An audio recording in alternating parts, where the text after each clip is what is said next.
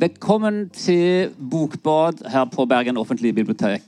Eh, mitt navn er Runo Isaksen. Jeg er forfatter, forlegger og litteraturviter. Og mitt navn er Frode Tuen, og jeg er psykolog og bokelsker. Hjertelig velkommen til Vigdis Hjort. Takk, takk. Det er fantastisk å ha deg her i Bergen. Veldig fint å være her. Så bra. I fjor høst så kom du med denne lille, nydelige romanen som heter 15 år. Den revolusjonære våren. Eh, og der følger vi hovedpersonen Paula fra hun er ca. 11 til ca. 15. Eh, og først så lever hun i som jeg sier, en slags familiær harmoni, trygghet, som eh, sakte, gradvis er i ferd med å implodere når hun oppdager familiens forstillelser, løgn. Så det er dype eksistensielle spørsmål som blir tatt opp, egentlig. Og kanskje det viktigste er hvordan leve med et liv i ekthet. Det var min måte å oppsummere noe av det på. Har du en, et, bedre, et, annet forslag? Nei, jeg er helt, eh, helt enig i det. Altså, jeg har jo en teori om at alle revolusjoner, de personlige som de sosiale, begynner lenge før de egentlige voldsomheter. I, de begynner tilbake i det dunkle og det mørke. Eller sagt på en annen måte, en av Hemingways karakterer ble spurt 'Hvordan gikk du konkurs?' Og hvordan svarte han på det litt krevende spørsmålet hvordan gikk du konkurs? Jo, øh, på to måter. Først gradvis, og så plutselig. Og sånn er det med veldig veldig mange menneskelige mm, prosjekter også. At det går de, det, tar ganske jeg, jeg, er litt redd, som jeg nevnte for dere, at det, mange av mine romaner har jo et ganske stort trykk. Mm. Uh, men uh, jeg kunne ikke ha det her, fordi at jeg er opptatt av hvordan vi begynner å forstå er erkjennelse, på en måte. da. Og det er veldig krevende. En gang ble Ibsen spurt om hva handler Rosmer Holm om? Så svarer han jo, det handler om å bringe sin livsførsel i samsvar med sin erkjennelse. Mm. Og det er det, for det er så innmari mange ting vi skjønner med huet. Også psykologiske ting og alt vi kan skjønne med huet. Men å forandre oss det er kjempekrevende arbeid, og det tar lang tid. Derfor så måtte jeg bruke en form som var langsommere denne gangen. Ja, ja Det er veldig interessant, fordi du er kanskje blant mange av oss kjent som en av de store talspersonene for virkelighetslitteraturen med Knausgård og Renberg, kanskje, og, det, i hvert fall, og, og, ja, et par andre, men du er i hvert fall en, en av dem. Men dette eh, er en ganske poetisk formelt eh, roman. Veldig poetisk. Eh, kanskje ikke så formelt, det, det er stort trykk i den. Men det er ikke den der protesten og det der sinnet og det som vi kanskje har, har vent oss til å forvente av deg? Nei, fordi at hovedpersonen er jo, er jo ung. Det er jo ikke da man har altså, liksom, begynnelsen.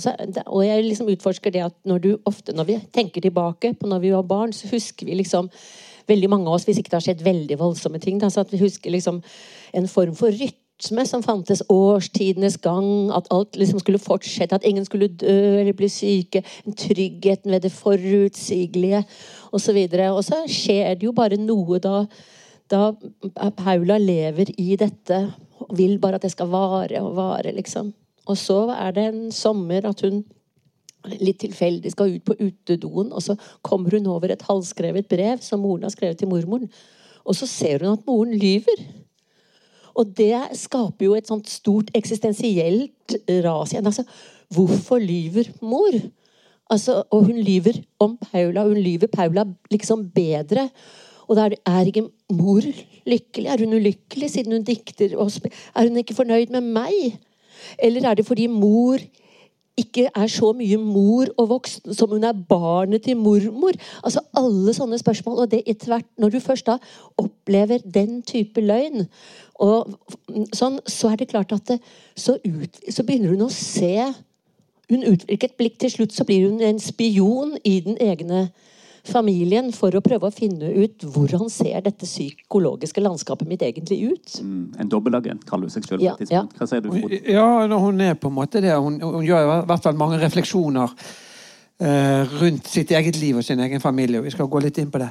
Men jeg har lyst til å begynne litt grann, eh, generelt om boken og, og, og mottagelsen. Altså For å understreke det først og fremst, som jeg allerede har sagt, jeg, jeg likte boken veldig, veldig godt. Eh, men den har fått litt sånn blandet mottakelse, i hvert fall i, i, i Norge. Uh, skal vi se her, det var en som skriver uh, Det var, det var vel i um, Vårt Land. Uh, at overraskende gammelmodig hadde kanskje vært bedre om den, den kom ut i 1968. Ja, men det, det er jeg liksom uenig i på en måte. Fordi dette her Ja, dette foregår på, på 60, slutten av 60-tallet. Eh, og da var vi jo Det, det var liksom sosialdemokratiets eh, storhetstid. Men det var også hjemmefruens storhetstid, på en måte. Og man tror at ja, de var liksom litt sånn dumme, de var opptatt av støv på hjernen, problematikk og sånn. Men det, hele poenget her er at dette er en familie som er liksom-kristne pga. mormor og farmor, og de skal feire alle høytider sånn som man ofte gjorde på 60-tallet. Man gikk i kirken på søndag, i hvert fall på julaften og sånn og sånn. Men eh, de er jo ikke i nærheten av de eksistensielle spørsmål. Og jeg som er sånn Kirkegård-fan altså, Hvis man tror på kristendom, at Jesus døde for våre synder, og det gjør han hver påske Det er jo dramatisk, ikke sant? Men det er den overflatiske greia. Og i dette så ligner vår tid enormt på denne tiden. Enormt opptatt av overflate. Og skrevne og uskrevne regler. Selv om nå er det hva slags undertøy du skal ha på deg, eller hvordan du skal lage en treretters middag. Men vi er like fjernt i den offentlige samtalen fra de store eksistensielle spørsmålene som den tiden. Så det er eh, på en måte så er den der, Jeg syns at den lesningen er litt sånn gammeldags i den forstand at den ikke ser likhetene med vår tid på forskjellen mellom det overfladiske vi er opptatt av, og de dypere spørsmålene. Det er jo det Paula lengter etter. Fordi hun opplever at foreldrene, når hun begynner å utvikle dette nye blikket på dem, så legger hun jo merke til at faren bare snakker stygt om sjefen, Tofte, og drømmen om å skaffe seg en Audi Super 87. Det er liksom det det handler om. Moren bare om, de, om måltider og, og kjøkkenting og, og de tingene. Og alt som tilhører det jeg kaller småtingsskuffen. Den skuffen på kjøkkenet hvor du har alle sånne uvesentlige, en binders og sikkerhetsholder, en gammel nøkkel og sånn.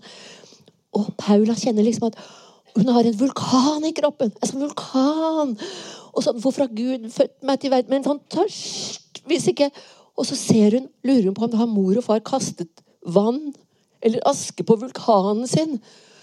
Siden de bare snakker om det her. Og så blir hun redd for at hvis hun lever for tett på dem og overtar deres språk, så kaster hun vann og aske på sin egen vulkan, og så vil hun bli som dem. Hun blir smittet av språket deres. Så, så det, det er jo alvorlig for henne, dette. Dette greiene her. ja. Men nå er du inne i romanen, vi skal inn i den. Men, men jeg hadde mer lyst til å høre med deg. altså Altså de, de fleste, eller mange aviser ga jo deg strålende kritikker, for all del. Ja. Men det var altså noen da litt sånn Ja, ja. Men det jeg lurer på, er, går det inn på deg, eller bryr du deg om det? Eller, eller hva tenker du om det? At de leser den så ah, ulikt? Nei, men det, altså det, nå har man, jeg er så herda i dette gamet og har vært med på så mye rart. Så, så, og, så det er, kaster jeg liksom bare av meg. Altså, I gamle dager så fikk jeg jo alle disse anmeldelsene på papir. Og da bare samlet jeg dem til jeg en dag begynte å drikke meg full, og så leste jeg alle sammen, og så kastet jeg dem på peisen. Og da, da var jeg ferdig med det. ikke sant?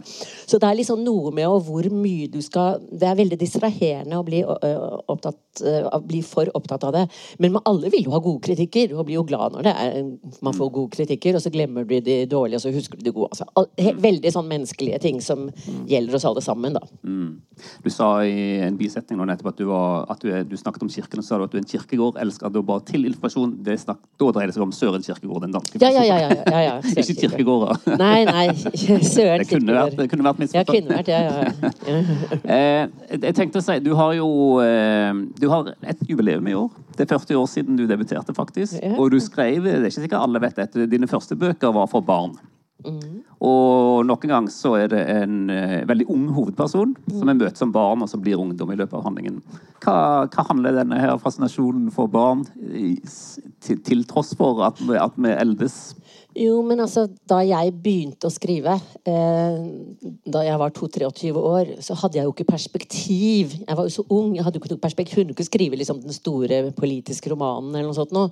Men det jeg hadde litt perspektiv på, var jo faktisk barndommen. Den hadde jeg For jeg syns det krever av og til litt avstand til tingene. Ikke, ikke alltid, da, men, men eh, så, så, jeg tror at det handler mye om det. Da, at det var det jeg husket, det var det jeg kunne på en måte gjenfortelle om det ja, som jeg husket fra barn og sånne, sånne ting. Mm. Så, så det, og jeg, det var en veldig fin måte å komme inn i det litterære miljøet på. Jeg husker at jeg debuterte samtidig med Jon Fosse, mm. som hadde skrevet uh, Raut sort etter Stendals Rødt sort, og med et sånn Gunnar Ekeløf-sitat på innbretten. Og Finn Øgland, som hadde skrevet trakk, en diktsamling som en traktorskog, um, soloppgang eller et eller annet sånt noe. Og så, vi var på debutantkurs sammen. Og så, og jeg var gravid i åttende måned, og så spurte de sånn Hva har du skrevet? Pelle Ragnar i den gule gården! og da, Jeg var ufarlig med en gang. Jeg var helt ufarlig, for de andre gikk og følte hverandre på tennene. For det var et internasjonalt debutantseminar, og hvem er konkurrentene mine? Og alle er ambisiøse og sånn. Jeg var skrevet helt ut av den konkurransen og fikk holde på med mitt i ro og fred. Og det var innmari deilig. Så når jeg først da begynte å skrive for voksne, så hadde jeg erfaring. Mm skal vi Jeg eh, kunne veldig godt tenkt meg å høre deg lese litt, og det er jeg sikker på de fleste andre her òg kunne tenkt seg å høre. Ja, da må jeg fortelle først, først hva settingen, da. Det er fordi at det, eh, dette er en liksom-kristen familie, som jeg sier, og derfor så må Paula, når hun da blir 15 år, uh, selv om hun er i krise da fordi bestevenninnen hennes har flyttet så, Bestevenninnen som representerte en alternativ måte å være i verden på. Mm. Så hun er kjempelei seg. Men de melder henne opp til konfirmasjonsundervisning, fordi man skal jo konfirmere seg. Og dette betyr så mye for foreldrene hennes. Man er opptatt av dukene, stolene, invitasjonene, gavene, kjolene altså, Alt dette er et stort, stort familierituale. Og hun kan jo ikke, selv om hun ikke tror på Gud Hun er jo et alvorlig menneske, Paula.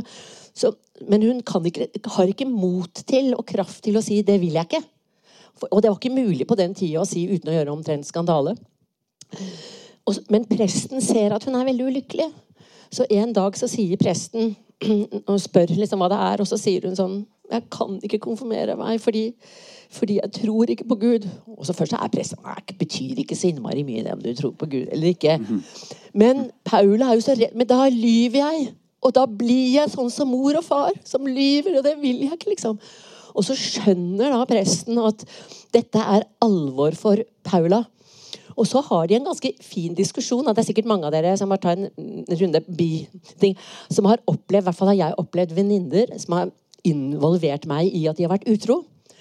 Og kanskje over flere år. Og jeg har da lagt merke til hvordan ektefellen har liksom um, krympet og opp, åpenbart er ulykkelig fordi han eller hun merker et eller annet. og skjønner at man, Og jeg har sittet og skrevet brev for å opplyse dette stakkars mennesket om at liksom Vet du hva slags situasjon du reelt sett er i, slik at det mennesket kan handle i situasjonen? F.eks. velge å skille seg.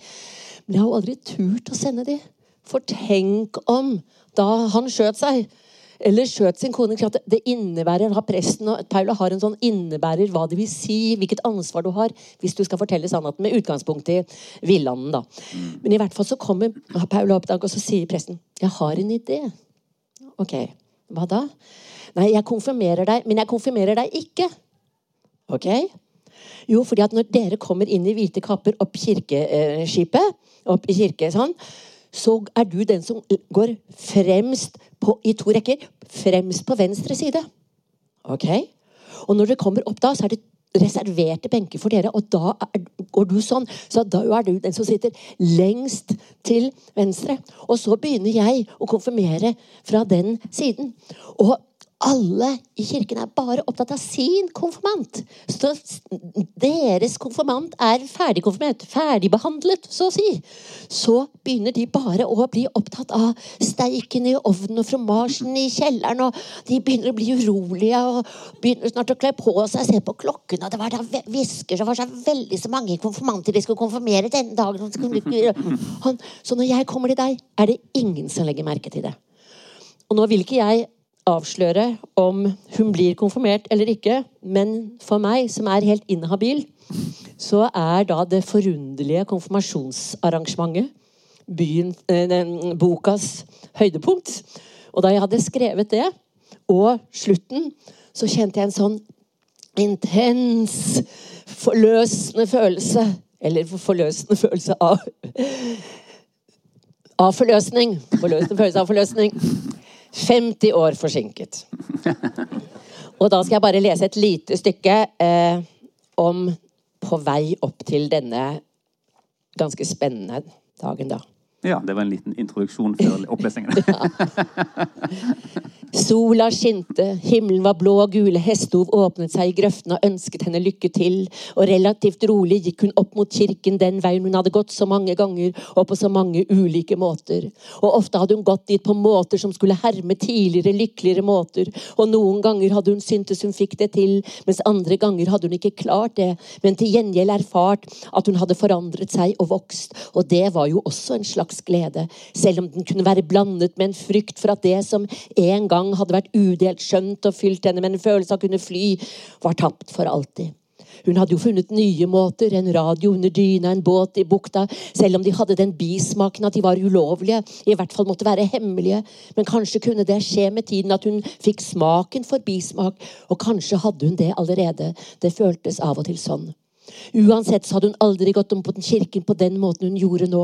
Selv om hun hadde gått under og forbi de blomstrende og nyutsprungne trærne hun nå gikk under og forbi. Bjørketrær, blodbøk og mektige lønner. Var det som om de denne gangen så på henne med nysgjerrighet og forhåpning. For noen vakre trær.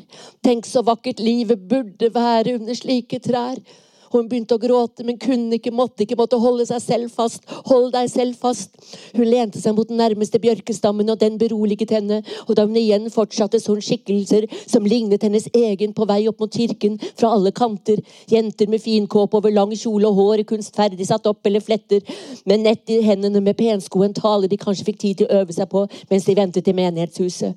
Gutter i frakk over sin første dress og nykjemmet hår og en pose med penskoene i fordi snøen ennå ikke var smeltet og kirkebakken var full av søle og sand etter å ha blitt strødd i jula og påsken. Hun syntes de så like gråtkvalte ut som henne selv, samtidig som de struttet av forventning. Da hun nærmet seg døra, nikket til, til hverandre, men sa ikke stort. For det var ikke stort å si, og ikke til å spøke med. Det som ventet, var alvor, og de skulle være verdt alle pengene som var brukt for dem. De gikk inn i menighetshuset og tok yttertøyet av og skiftet sko og studerte hverandres antrekk, men kommenterte dem ikke. Og klokkeren kom i svart dress, over armen bar han de lange, hvite kappene hun husket fra Elisabeths konfirmasjon. Han delte dem ut, og de tok dem på, og lignet plutselig en flokk. Det var vel derfor. Presten kom i prestekjole og spurte klokkeren om alle var der, og alle var der. Og presten stilte dem opp i de rekkene de skulle stå i når de skulle gå inn, og sa det var viktig at de husket plassene sine. Mm. Ja, det er Nydelig. Jeg, jeg har lyst til å det, det, er mange nydelige partier i denne boken. Det syns jeg virkelig. Det, det er poeter, som, som, du sier, og, og noen formuleringer som er både de sitter, og du, liksom, du grunner over dem som leser etterpå. Eh, og bare ta ett eksempel. Altså, du skriver jo om denne transformasjonen som hun går igjennom, da, som, som, du kaller for en, en revolusjon. Men, og, og i, en, en, sammenheng så er hun sammen med lillebroren sin Lasse, som hun har egentlig et ganske fint forhold til. da. Hun tar ansvar for han og, og føler liksom at han er ennå ikke blitt besudlet av tausheten og fortielsen i, i, i i familien. Og så ligger de ute på bakken og de fisker eller noe sånt. Og der skriver du et annet sted. Og mens hun lå ved siden av ham i gresset, kom de forgagne somrene tilbake i forklaret form. For med ny innsikt kan, kan gi Nei, for ny innsikt kan få tilbakevirkende kraft. Jeg syns det var så fint sagt. Mm, men det er jo sånn altså, vi, vi, skriver jo på liv, fortellingene om livet vårt hele tiden, uavhørlig. Og vi kan jo plutselig kan, Det kan jo skje ting i livet, eller du finner ut av noe som forandrer alt sammen. Forandrer, du får en innsikt i noe som forandrer hele din egen historie. Um, og det, så Man blir jo aldri ferdig. ikke sant? Altså det vet alle de som har ryddet ut av der hvor mennesker har dødd. Hvilke oppdagelser man kan få som gjør at man plutselig ser sitt liv på en annen måte. Når det er sagt, så er det veldig mange mennesker på min alder som Og det som er interessant, da, som, altså At man har en tendens til å bli litt sånn enig med seg selv om hvem man er. Hvem man er som yrkesutøver, hvem man er som partner, hvem man er som mor, som søsken. altså alle disse her. Og, og sånn, og man, når, man, når no, man, møter nye bekjente, så begynner man liksom på å fortelle om historien om seg selv. På den måten man pleier. Men når jeg hører mine venninner og venner fortelle om seg selv til nye bekjentskaper, så hører jeg hvor mye de lyver. Jeg hører hva de ikke forteller, og hva de særlig framhever. Og da er jo spørsmålet er min historie like forløyet. da? Og det der å ha å, og på en måte prøve å ha utvikle en kontinuerlig selvsamtale som er ærlig, det er jeg veldig opptatt av i, altså i, i livet, på en måte. da. Og det kan av og til hjelpe å, å skrive, syns jeg. Men, og jeg skulle så ønske det at særlig mennesker med makt at de ofte liksom spurte seg selv altså, hva driver meg nå. Jeg skulle så ønske at det var et par godt voksne menn i USA som spurte meg selv hvorfor vil jeg egentlig bli president i USA. altså, hvorfor, hva er jeg egentlig hva driver jeg? Og det er veldig interessant, fordi forskning har jo vist at det som skjedde i 45, da freden kom, hvor eh, da gikk jo folk ut av husene sine og klippet håret av de såkalte tyskertøsene, eh, kvinner som hadde vært sammen med tyskere. Og forskning har vist det var jo ikke motstandsfolka som gjorde det. Det var de som hadde sittet på gjerdet og ventet på utfallet av krigen. De som hadde flørtet litt med tyskerne, holdt seg inne med begge parter, som kanskje hadde tatt imot en flaske whisky for noen litt interessante informasjoner til dem. Og Da kan man tenke seg hva slags renovasjonsarbeid var det som foregikk da når de gikk ut og klippet og, sånn, og kanskje hvis de hadde spurt seg selv hva driver meg nå? De hadde vært litt mindre ivrige med den saksen. da. Så det å utvikle en sånn form for selvrefleksjon, det, det tror jeg er viktig. Men jeg, det er klart at jeg lar jo Paula få få Jeg hjelper henne litt, da. Jeg lar henne finne ut av noen ting. For de fleste Jeg tror dessverre det er sånn at hvis barn og unge har det vanskelig, eh, så er det kanskje noen voksne i nærheten som sitter med nøkler til vanskeligheten. Men av hensyn til kanskje seg selv, så gir de ikke disse nøklene som kunne, være, kunne låse opp. da. Mm.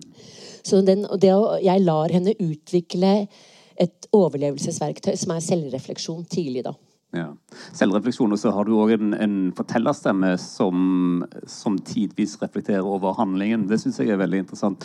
Blant annet så kan, så kan gripe inn og si at, eh, at, Paula har et ambivalent forhold til familien, men det ordet kan du ikke ennå, ambivalent osv. Så, så du har en sånn forteller som er synlig til stede. Eh, og skaper litt avstand eh, samtidig òg. Men det er jo fordi du, jeg, du, vet jo at du har skrevet voksenbøker og en ungdomsbok nå. Og det er, det er jo nettopp det at det, selv om det handler om en 15-åring, så er jo boken myntet på voksne ja. lesere. Da, ikke sant? Så jeg henvender meg til voksne omkring det å være ung. da. Mm. Et, et, tema som jeg syns var besnærende, og som vi ikke har kommet inn på i det hele tatt ennå, det er at Paula har jo altså Kristendommen og det religiøse framstilles jo, som du har uh, redegjort for ganske tydelig nå, som, som pietistisk, som livsfornektende, som noe tungt, dødt, traust. Men Paula har jo samtidig veldig sånn kanskje mystiske erfaringer. Hun har jo eh, store eh, opplevelser. Ja. Hva, hva, vil du si om det? det, det. Nei, altså det er sånne kirkegårdske aha-opplevelser, da. Mm. Altså Søren Kirkegård sier jo at det å være et ganske alminnelig menneske på jorden er en tillitserklæring fra oven og en oppgav med vekt på gaven. Så vær da mennesker med fynn og klem og all din inderlighet og alt ditt ansvar. Eh, kan jeg fortelle om de stadiene til Kirkegård? Eller blir det ja, Nei, men altså nei, han, han, snakker jo om Jeg husker at jeg, jeg begynte på universitetet å studere idéhistorie, for det sto sånn i, om idéhistorie i universitetets brosjyre. Lurer du på hvem du er, og lurer du på hvorfor du er her? Og jeg lurte på begge deler. Og begynte å studere idéhistorie. Og da ble jeg satt til å lese filosofiske Kirkegård, men jeg skjønte ingenting. Men så jeg hadde nærheten av Jeg følte at jeg var i nærheten av noe viktig. Og Freud snakker om det stedet i en nattlig drøm Hvor drømmens navle, sier han, hvor det åpner seg en kanal inn til det ukjente og gåtefulle. For Freud tror i likhet med Kirkegård at det finnes veier til innsikt om det menneskelige og, og verden utenom vitenskapen og laboratoriene og statistikkene osv. Så, videre. så jeg tok med meg den boka på vei til New York. Jeg husker at jeg satt i sånn transatlantisk mørke og leste om spissborgeren. Og Spissborgeren er mennesket som følger alle samfunnets skrevne uskrevne regler. På Kirkegårds tid da tar seg en utdannelse, får seg en jobb, gifter seg, får noen barn, døper dem, konfirmerer dem. Altså følger alle sånne. Også, og har en følelse at de velger.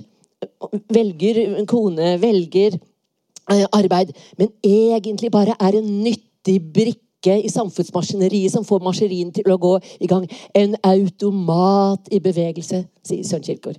Og jeg satt der og leste det og skjønte. Jeg er en spissborger.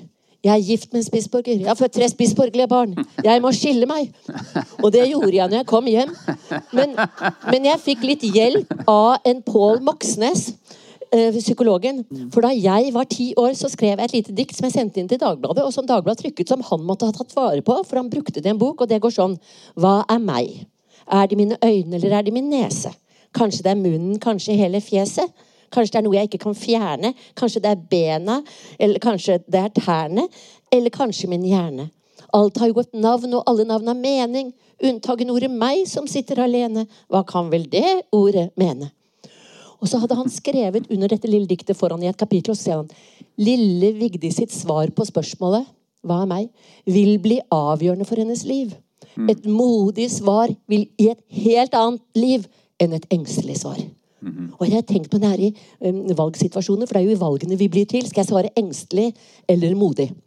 Men hvis man da har avslørt at man er en spissborger, så snakker han om estetikeren. Estetikeren har jo avslørt alle spissborgerne. og bare der går de på jobben i banken og fortsetter å være gift selv om de har blitt lei av kona. og herregud, for holder på, liksom. Så estetikeren tar for seg av estetiske nytelser, erotiske eventyr, og reiser, opplevelser og sånn.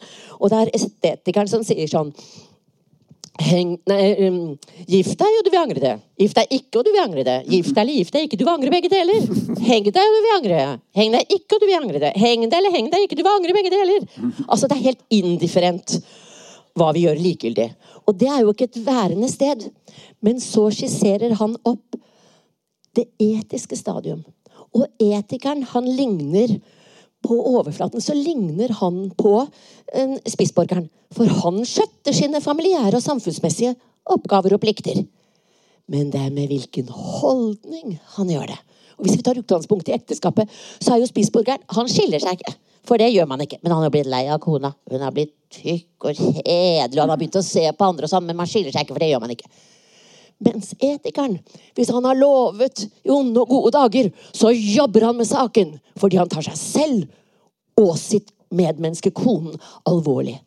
Og det Søren Kirkegård insisterer på, og det er så befriende i en, hvor, i en verden hvor vi har kriser overalt, at vår holdning, som det er, står i vår makt å forandre, den kan vi forandre. Og skal jeg bare fortelle et veldig lite godt eksempel. Jeg satt og leste på en veldig trist sånn novemberdag. Var sånn, alle var sånn i grå frakker på. Tunge, grå tryner. Håret hang grått opp. Det var trist. Himmelen var grå og tung. Og jeg satt og leste 'Sykdommen til døden' av Søren Kirkegård. Og skjønte ingenting. Men så kom jeg til en note, og da står det i den noten Da skal han forklare det. Et bilde. Helt bakerst på en av de siste sidene liten skrift. Tenk deg et kjempedort keiserrike. Kjempedigert. Landområde på landområde på landområde. Og millioner på millioner på millioner av mennesker. Og så en strålende mektig keiser.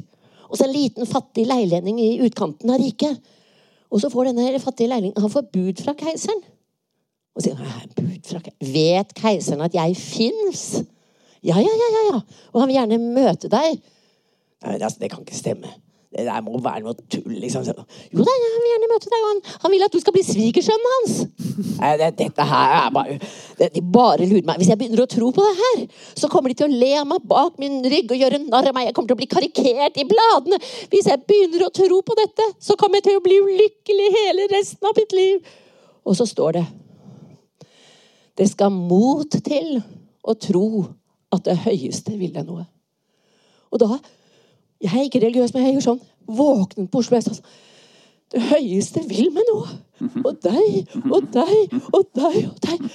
Og det var bare sånn himmelen som er sånn perspektivåpnende, da. Og det er det han, han får til. Og han sier et sted det er så mange mennesker som bor i kjelleren hos seg selv. Selv om det er ledig i de øvre etasjer. Hvor utsikten er vid og perspektivet er uendeligheten. ikke sant? Så holder vi der. Så det jeg prøver å gjøre, det er at jeg prøver å dra Paula opp i etasjene.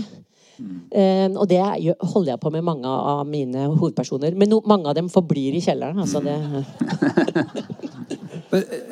Og det bringer oss litt over på det med altså, det som, Noe av det som, er, som jeg leser som en slags overordnet eller tilbakevendende tema, det du, du utforsker på en måte litt religion og tro, tenker jeg.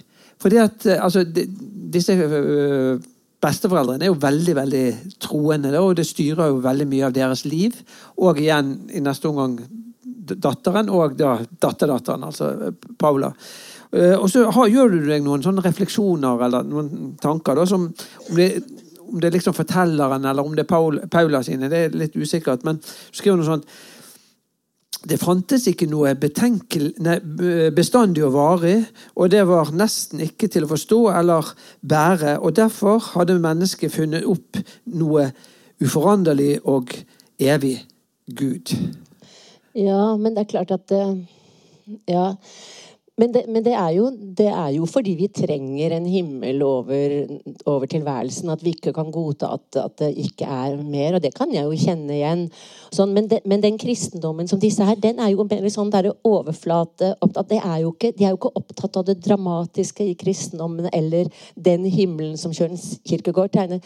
Det er liksom, så jeg tar, jeg tar ikke den troen helt alvorlig, og det gjør jo ikke Paula heller. Og det er jo det som på en måte irriterer henne. da. Men jeg må samtidig skal prøve å forsvare litt denne konen, eller moren til Paula. da.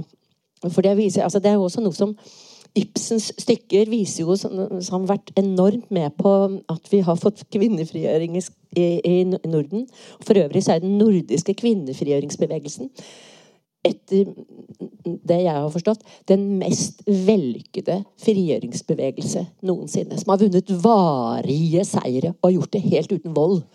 Og det, det er, de, de fleste frigjøringsbevegelser burde studere den og bare si fort Hvis dere skal lese noe oppbyggelig, så kan dere studere de talene som eh, kvinnefeministene, eh, kvinneaktivistene den gangen i 1913 for hvordan de var. De er de smarteste talene jeg har lest noensinne. For de skulle jo overbevise stortingsmennene om nytten av denne veldig foraktede og dramatiske reformen. Og de kunne jo de kunne, For det første så kunne de familiens og hjemmets språk, men de kunne jo også maktas språk, som alle undertrykte blir jo avhengig av å kunne for å overleve, kjenne maktas språk.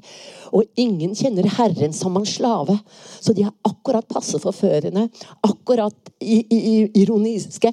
Og de, de argumenterer så godt at mennene ikke kan avvise den reformen uten å motsi seg selv. Altså, De er så smarte, og de ø, ø, vant gjennom. Men nå kommer jeg tilbake til Ibsen. som er veldig, Han hjalp dem også. Det Ibsen gjør, både i Hedda og i Nora, er å vise hvordan ressurssterke den gangen kvinner, men man kan overføre det til alle mennesker, hvordan de blir henholdsvis altså destruktive på to kanskje litt ulike måter. eh, når de ikke får utvikle seg. Altså Å være evnerik og ressurssterk, men ikke ha muligheter. Og Det er ikke så lenge siden jeg så en sånn utstilling om feministisk kunst fra 60-tallet på Høvikodden. Og da var det en liten video som het 'Kjøkkenredskaper'. Så hadde du en sånn typisk hemmafru på 60-tallet med sånn forkle og så permanentfarget hår med hårbånd. Og så sto det sånn Eggedeler. Så viste hun eggedeler. Gaffel. Og så var det øse. Kniv. Som viser at kjøkkenredskaper er ikke nødvendigvis uskyldige redskaper, og hvilken aggresjon du kan få. da. Så, så jeg syns jo på en måte litt synd på moren til Paula, som jo ikke har de hadde noen muligheter til å utvikle seg i en kirkegårdsretning, f.eks. Mm. Kan vi ta et steg fra kjøkkenredskaper til noen andre redskaper som òg er ganske viktige i denne romanen, og ikke minst for deg som person og forfatter? Nemlig, jeg tenker på det å skrive som sådan. Paula skriver jo fra tidlig. Hun begynner med å observere verden, og så utvikler det seg. Hennes skriving utvikler seg. Samtidig så har du moren og mormoren som også skriver. De skriver jo da på en annen måte eh, i løgn. Men Paulas skriving, og det er et, eh, mot slutten når hun skriver noen brev, som, de er jo inspirerte brev. Hvor hun bare tenker at det her gjelder det å bare ikke stoppe, heller bare å være i strømmen og kjøre på. Er det, er vi, snakker vi litt om deg òg samtidig? Er det din metode? Ja, altså for meg så er å skrive en måte å tenke på og reflektere på. Og jeg opplever nesten alle romanene mine begynner i min prosess begynner med et etisk Gjerne et etisk dilemma som jeg har. Noe jeg ikke forstår, lurer på. Eh, hvordan skal jeg handle i denne situasjonen? Eller, eller, har jeg gjort feil i forhold til barna mine? Og, sånt, og da er det veldig ofte at romanen er en utforskning. At jeg lager en roman som behandler dette spørsmålet. Og da, da oppleves det som om jeg finner ut noen ting i løpet av den, den prosessen. Jeg kan godt være konkret og gi et eksempel. Jeg har jo har hatt polske leieboere og har fremdeles polske leieboere. Og en gang vi hadde det, en kvinne som, og en mann som flytta inn da hun var gravid, og så fødte hun også. Etter noen år så oppstår det sånn de slutter å betale. Jeg har krevet en husleieøkning, eller sånt, og så har de sluttet helt å betale. Og min egen reaksjon da, den forbauset meg så innmari. Altså Jeg sto på telefon til Huseierforeningen. Hva jeg? Og så får du vite hvor innmari lang tid Du kan ikke kaste ut folk. De har store rettigheter. ikke sant? Du må innom den, du må der, du må der. Jeg så for meg at de, de, kommer til å leve her liksom, i et halvt år. Og jeg følte at for hver time de bodde i den leiligheten, så stjal de penger fra meg. ikke sant? Det er mitt, liksom. Og jeg husker at jeg kom inn på et tidspunkt ikke sant? der vi, vi det hadde sånn, sånn, Til slutt så bare ble jeg helt gæren. Så kom jeg inn liksom på det rommet hvor hun står, og da er den mannen borte. ikke sant? Hun, barnet og sånn. Og sier dette bordet kan ikke Ikke sant? Så går jeg ut, og så drar jeg til kjæresten min. Men så, da de hadde forsvunnet, da så var det, For det første så var jeg så forbauset over min egen reaksjon, som var så Dette er mitt. Jeg eier det. Og de kommer her og bare så Det var enormt emosjonelt. Men så, da de fulgte, og så kom jeg inn i leiligheten. og Alt var fint og sånn. Og så fant jeg en sånn liten sånn som du har sett, en sånn plastsak som du sitter, setter på do når du skal lære barn å, å gå på do, ikke ta, gå i bleie. Og så forsto jeg, og så fant jeg en dukke under en stein i haven, så forsto jeg For den piken var seks eller sju år da dette har vært et barndomshjem. Et barndomshjem. Og ingen kjenner et barndomshjem som et lite barn, for det smaker og kjenner på alt. Og jeg husket på hvordan mitt eget barndomshjem, pluss at jeg husket på hvor redd jeg var for fremmede voksne. Og hvor redd jeg var for skinna fremmede voksne. Og forsto at så lenge denne lille piken lever, hun kommer til å leve mye lenger enn meg, så eksisterer jeg i henne som et forferdelig spøkelse. Og det, det, det var både den opplevelsen med å skrive den romanen hvor jeg liksom forsto at jeg hadde helt mista perspektiv, da. Eh, og, og, og, sånn i mine følelser. Og det, det Jeg er veldig, veldig opptatt av liksom dette med å forandre perspektiv. Og Ludvig Wittgenstein sier at vi trenger ikke mer informasjon, men nytt perspektiv på det som allerede foreligger. Men jeg, bare etter denne romanen var ferdig, så var jeg veldig nysgjerrig på hvor bor de nå. Så hadde jeg telefonnummeret hennes, så skrev jeg bare det kommer sånn blader fra den katolske menigheten til deg. Hvor skal jeg sende de? Kan du bare vite hvor du bor hen? Så svarte hun tilbake på tekstmeldingen. Du ikke vite hvor jeg bor. Det står i avisen at du være kulturell person. Jeg har en annen mening. men, men, men, bare apropos dette med å skifte perspektiv, fordi det er også noe som ligger, er innenfor vår rekkevidde. Og da må jeg bare ta eh, Dere passer tiden, ikke sant? Ja, men, og den tiden løper fort. Ja. ja bare, dessverre. Da er jo min hus, en av mine husguder, som er Bertolt Brecht, som bare sier det. Da må jeg bare si det nå, fordi fordi vi har krig i Europa, liksom. Eh, så skriver han, han Da tenkte han på Stalin, men jeg tenker på en annen russer. Den som blir Gud, blir dum. Han lar soldaten si til generalen i et skuespill Skulle min kropp råtne for at din idé skal triumfere? Er du full? Han lar generalen forklare seg. Jeg måtte utslette byen for å erobre den. Så opplever han atombomben. Så skriver han et vers som heter Siste vers. Skal det stå på den siste tavlen, den som er knust og uten lesere. Planeten går i stykker, drept av dem som den ernærte. Vårt felles liv ble bare Vi oppfant kapitalismen. Deretter ble vi flinke i fysikk og oppfant en felles død. Nå perspektivskifte. Tu Fu, som Brecht var veldig opptatt av, 700 år før Kristus, han skriver et sted. Veldig tankevekkende. Nabokonen til venstre for deg er en tyv. Hun stjeler fortsatt grønnsaker i kjøkkenhagen din. Hun er selvsagt fortsatt enke. Barn vokser langsomt. Og som du vet, så har krigen gjort de fattige fattigere. Jeg syns ikke hun skal være så redd for deg når hun stjeler. Jeg syns det nye gjerdet ditt er altfor solid. Og det perspektivskiftet der Så skriver um, um, nei, Brecht et annet perspektivforandrende dikt. Da var det 36-37, da trygdene, pensjonene, gikk ned i Tyskland fordi man skulle ha penger til krigsindustrien, så skriver han Jeg er en gammel kone.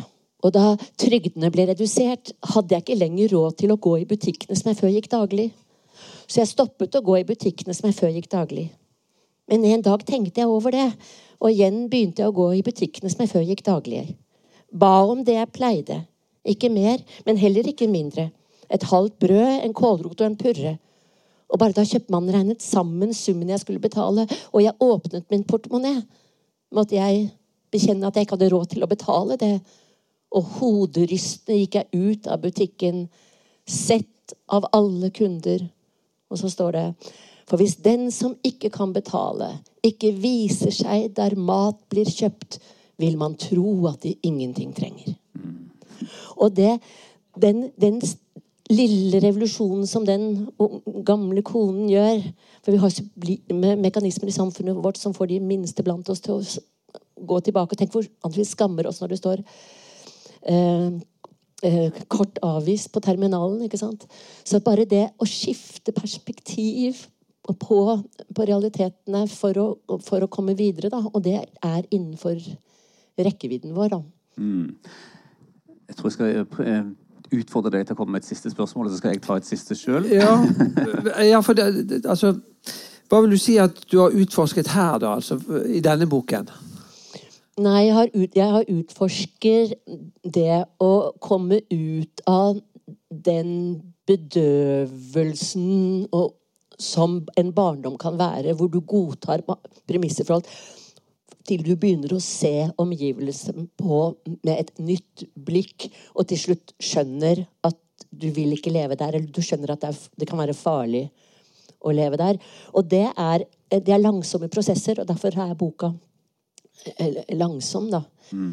Eh, men, men, har du lært noe selv av det? For, for det var det du sa, altså, at du, du, når du skriver, så er det for å utforske et annet etisk eh, ja, problemstilling? Ja, det jeg lærte selv. Jeg har fått helt ny redaktør, for jeg har hatt samme redaktør i 30 år. Men eh, først fikk jeg ny på den her. Og så eh, eh, har jeg vært veldig opptatt av et stykke av Tsjekhov som heter 'Tre søstre'. Et veldig fantastisk stykke. Eh, som er, handler om sånn liten garnisonsby i Russland, og som de bor på fordi faren deres var militære, men nå er han død, og det er liksom dødt og sånn. men de vil så gjerne til Moskva! Den gangen de var i Moskva! Vi kommer aldri til Moskva!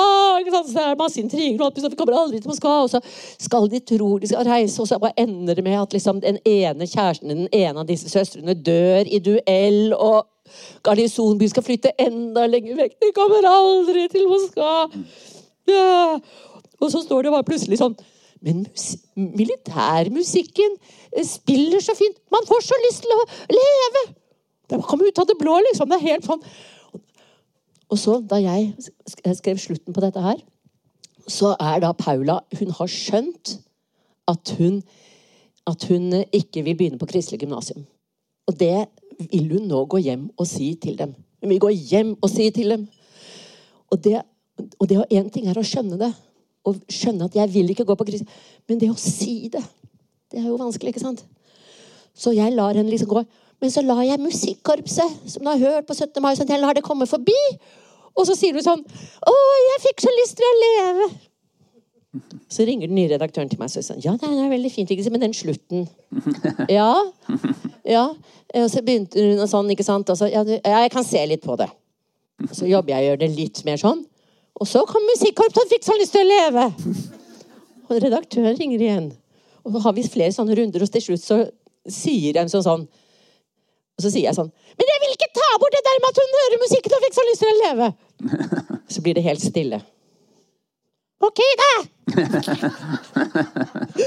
og så ble det jo ble det jo jævlig mye bedre. Jeg skal bare ta bitte avsnitt. Og det var da eh, for, Og da skjønte jeg det.